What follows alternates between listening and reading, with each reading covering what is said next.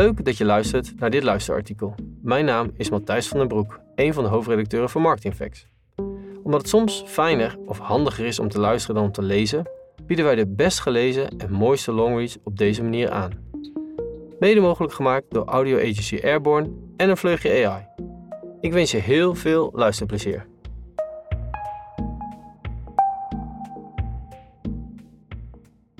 Hoe marketing alles verpest en wat wij daar als marketeers aan kunnen doen.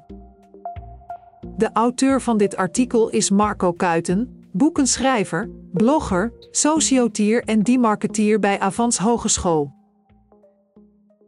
Die marketing is in de praktijk nooit verder gekomen dan een postbus 51 campagne, maar door het gebruik van de term heeft marketing zaken als consuminderen zich eigen en daarmee ook onschadelijk gemaakt.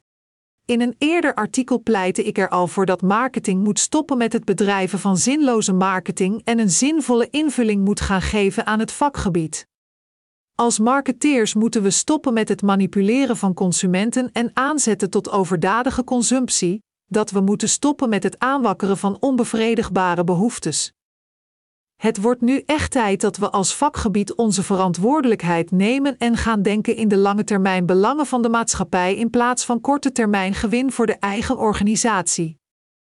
Dat artikel, dat je kan vinden in de show notes, vond veel weerklank bij marketing professionals uit de praktijk.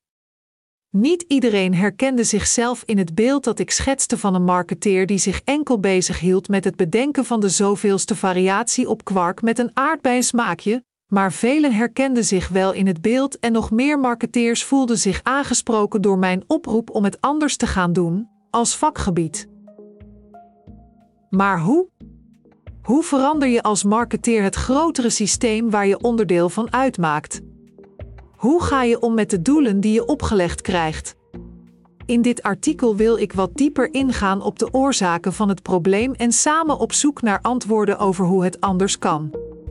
Lees aan het einde van dit artikel hoe jij zelf onderdeel kunt worden bij het vormgeven van die andere, nieuwe vorm van marketing. De praktijk is weerbarstig en alle goede bedoelingen en intenties daar gelaten. De meeste marketeers worden nog steeds afgerekend op de korte termijn doelstellingen die veelal groeigerelateerd zijn. Marktaandeel en winstcijfers vergroten, omzet verhogen en verkopen maximaliseren. Dat zijn de KPI's waarop marketeers worden afgerekend. Niet of we onze bijdrage leveren aan het toekomstbestendig maken of leefbaar houden van onze leefwereld. Daarmee bevinden we ons vaak in een spagaat tussen wat we graag zouden willen doen en wat we moeten doen, met als uitkomst een halfslachtige oplossing voor een serieus probleem. Een valkuil waar marketing steeds maar weer in lijkt te trappen. Want zoals mijn vriend, oud-collega en marketingmentor Edwin Flems vaak aanhaalt, marketing heeft de neiging om een mooie ontwikkeling zo massaal in te zetten dat ze hem verpesten. De originele quote is van Gary Vaynerchuk. Marketers ruin everything. Dat gaat ook op voor duurzaamheidsambities. We zien een ontwikkeling waar we op willen en moeten anticiperen, maar wel binnen de bestaande kaders en doelstellingen omtrent groei. Dat gaat natuurlijk niet samen. In de tweestrijd winnen de groeidoelstellingen het vaak van de duurzame ambities en komen we niet verder dan een zweem van duurzaamheid over onze huidige organisatie te leggen in plaats van een structurele verandering te realiseren. Daarmee lossen we niet alleen het probleem niet op, maar maken we zaken ook nog eens erger dan ze waren. Denk bijvoorbeeld aan greenwashing, het groener voordoen dan dat je daadwerkelijk bent als organisatie. Bijvoorbeeld door wollig taalgebruik, waardoor onduidelijk is wat er nou precies groen is aan je organisatie of je product. Of door je groene product te maken in een smerige en vervuilende fabriek.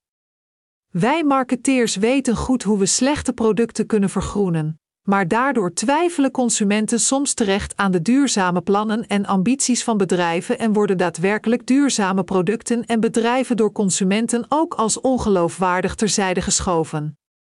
Hetzelfde geldt voor het hebben van een purpose. Organisaties hebben tegenwoordig zo massaal een purpose en een why opgesteld, dat de consument al lang is afgehaakt en niet langer gelooft in al die mooie intenties en bedrijven verdenken van purpose washing. Ook hier wederom niet geheel onterecht, want voor veel bedrijven zijn die mooie termen en ambities niet meer dan lege hulzen om gewoon verder te kunnen gaan met het realiseren van hun groeidoelstellingen. De Amerikaanse politiek commentator en professor Robert Reich zegt hierover: 98% of this corporate social responsibility is rubbish. CEOs won't do anything that hurts their bottom lines. They're in the business of making as much money as possible, not solving social problems.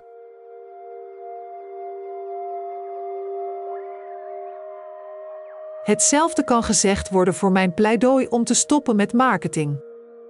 Het demarketen van producten en diensten.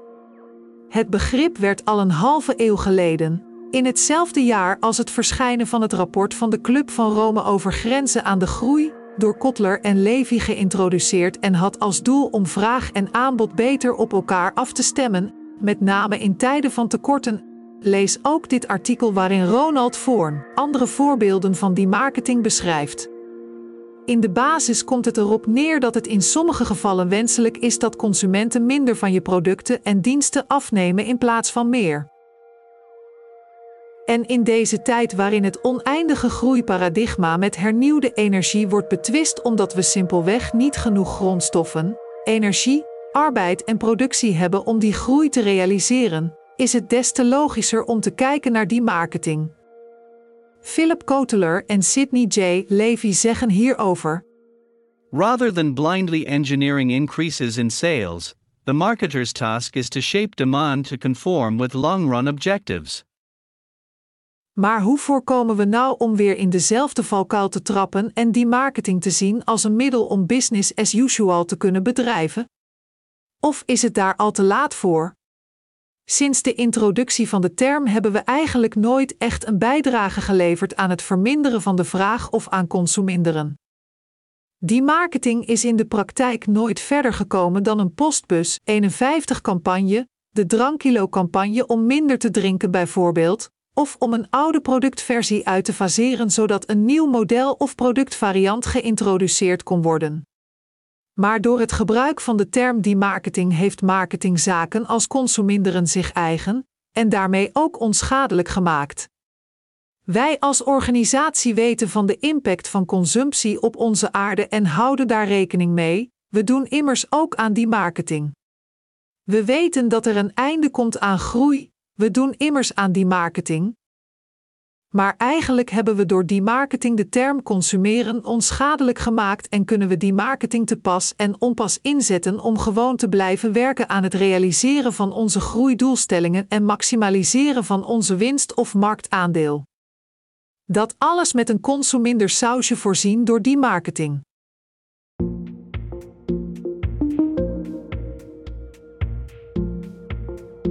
Maar het is jammer dat we die marketing niet zien als kans om het daadwerkelijk anders te doen om zo invulling te geven aan het marketingvakgebied in een postgroei-economie. Dat kan alleen als we oprecht iets veranderen, niet alleen door te doen alsof we een bijdrage leveren aan de oplossing, maar ondertussen oorzaak van het probleem zijn. Want in deze tijd van toenemende transparantie vallen bedrijven met niet oprechte intenties door de mand en verliezen we niet alleen het consumentenvertrouwen, maar ook de kans om de wereld leefbaar te houden voor de toekomst. Als bedrijven consumenten echt gaan stimuleren om minder te consumeren, winnen ze niet alleen het vertrouwen van de consument, maar leveren ze daarbij oprecht een bijdrage aan een betere wereld. Het geeft een bedrijf sociale legitimiteit in de vorm van een social license to operate. Een bedrijf dat kan en mag bestaan bij de gratie van de consument die gelooft in de organisatie en haar intenties.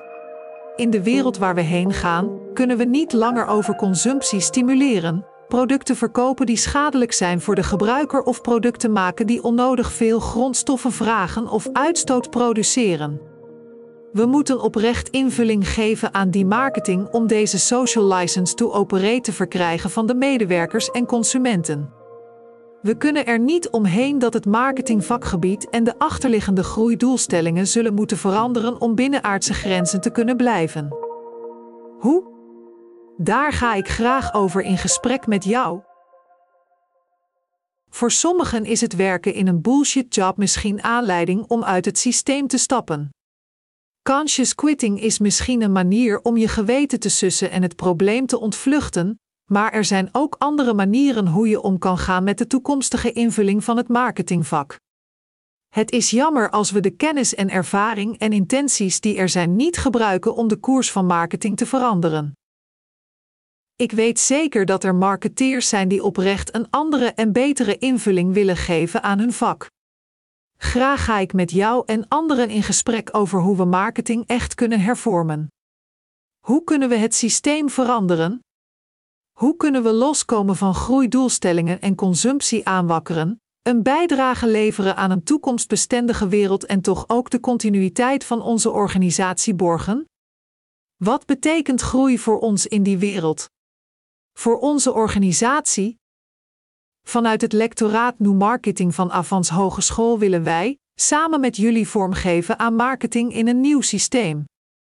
In meerdere sessies op verschillende plekken in het land willen we samen in interactieve sessies met verschillende marketingprofessionals, CEO's, managers, communicatiespecialisten of ondernemers aan de slag. In een volgend artikel ga ik je verder meenemen in de wereld van die marketing.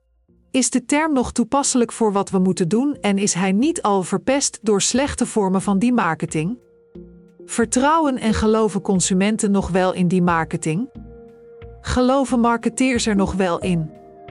Misschien is een andere term beter. Een term die wel de lading dekt en die nog niet is verpest door ons, marketeers.